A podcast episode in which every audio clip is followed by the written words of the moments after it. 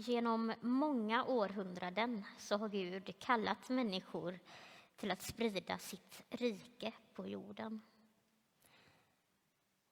Texten från Jesaja är ett exempel på när Gud kallar. Dock så kan, den, kan man tycka att den innehåller en del konstiga beskrivningar. Till exempel om de änglaliknande seraferna med sina många vingar. Jesaja har en syn där han ser Gud i hela den himmelska prakten. Jag kan bara föreställa mig hur svårt det måste vara att beskriva.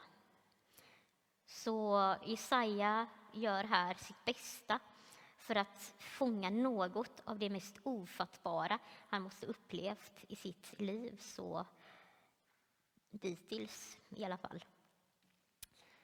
Och när Jesaja hörde Guds undran om vem som ville vara budbärare så blev Jesajas svar genast Sänd mig. Det är en ganska unik situation. För de allra flesta av profeterna som Gud kallar är ganska motvilliga till en början. Man skulle kunna kalla dem lite av föregångare till våran jantelag. De svarar Gud att men ska du verkligen sända mig? Inte är väl jag tillräcklig för att kunna gå dina ärenden, Gud? Men Jesaja skiljer sig från mängden genom att frivilligt anmäla sig. Hans iver att tjäna Gud vinner över alla hans eventuella hinder och betänksamheter. Men han har insett sina brister. Han vet om att han behöver Gud med sig för att kunna gå ut med Guds budskap. Jesaja uttrycker sitt behov till Gud av att bli renad av Gud och detta åtgärdar Gud.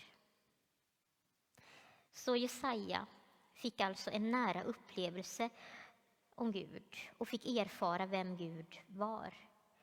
Och det hör ihop med vad Gud kallade Jesaja till. Precis som alla andra som blir kallade genom historien och så även idag. Budskapet, det är att Gud vill att vi ska inse hur mycket Gud älskar oss och i vår tur försöka älska Gud tillbaka. De som har upptäckt Guds kärlek har en fråga från Gud om de vill börja sprida den verklighet som Guds rike innebär. Inte som fakta bara, utan kanske framför allt genom hur vi lever och möter vår omgivning och medmänniskor. Som en naturlig respons på den kärlek som vi får ta emot från Gud. Detta är vad evangelium handlar om. Hur vi personligen får möta Gud, den kärleksfulla guden, den väldiga guden som är skapare av universum. En Gud som bryr sig om både det lilla och det stora. Och det glada budskapet om att just denna Gud bryr sig om just mig och dig och det är inte något som kan gå förbi obemärkt i våra liv.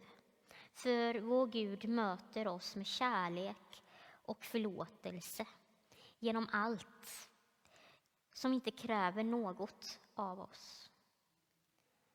En Gud som är villig att ge sitt eget liv för sin skapelse.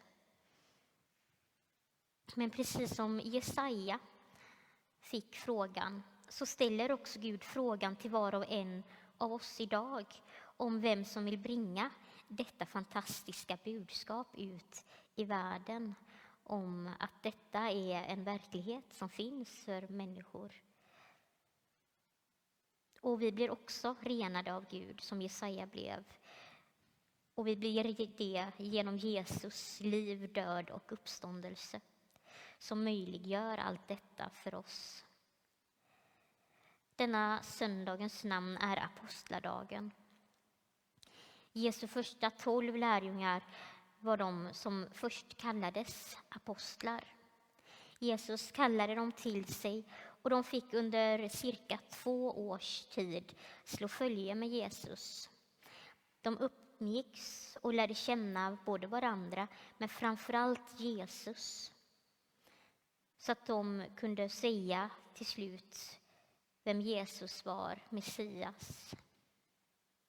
Sedan när Jesus inte längre vandrade på jorden med dem så var deras uppdrag nu att sprida budskapet om Jesus vidare.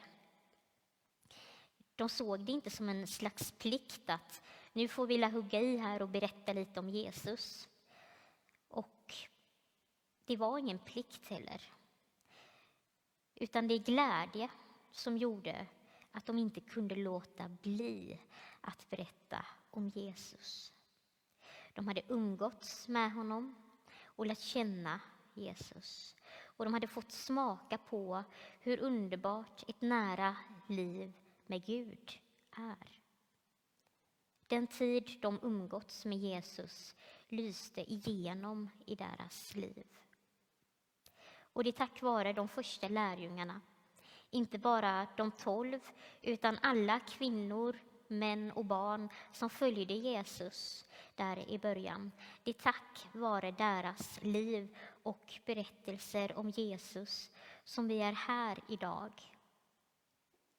När jag bodde på studentkorridor under mina studier i Uppsala så var majoriteten av de som bodde där från Norrland och Skåne. Och efter några månader då vi hade umgåtts i kök, och vardagsrum och tv-rum så hade våra dialekter att börja blandas och glida in i varandras eh, ord och uttryck. Och vi hade ganska roligt över detta. Och jag tänker att det här är lite hur det blir när vi umgås med Gud. När vi ber, sjunger sånger, psalmer eller läser ett par verser från Bibeln på dagen. Det är några få exempel på hur vi kan umgås med Gud. En del kanske föredrar att måla en bön eller följa en andaktsbok.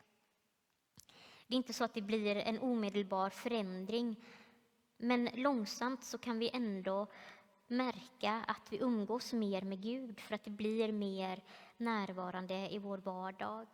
Vi kanske börjar fundera en extra gång på hur Jesus skulle agera i olika situationer i mataffären eller på jobbet eller skolan.